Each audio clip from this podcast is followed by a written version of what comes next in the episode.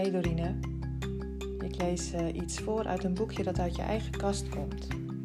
Je hebt me dat boek al eens een keertje eerder gegeven. Toen was je ook bezig met. Nou, dan komt iemand thuis. Hoi. Um, ik ben even wat aan het opnemen voor Dorine. Dus, uh, uh, wat zei ik nou net?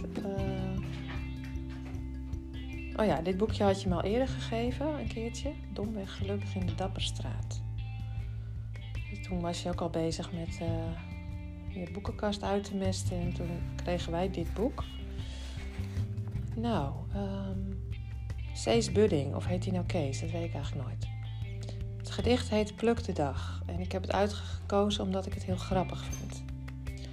Vanochtend na het ontbijt ontdekte ik door mijn verstrooidheid dat het deksel van een middelgroot potje marmiet, het 4OZ net formaat, precies past op een klein potje Heinz sandwichspread. Natuurlijk heb ik toen meteen geprobeerd of het sandwichspread dekseltje ook op het marmietpotje paste. En jawel hoor, het paste eveneens.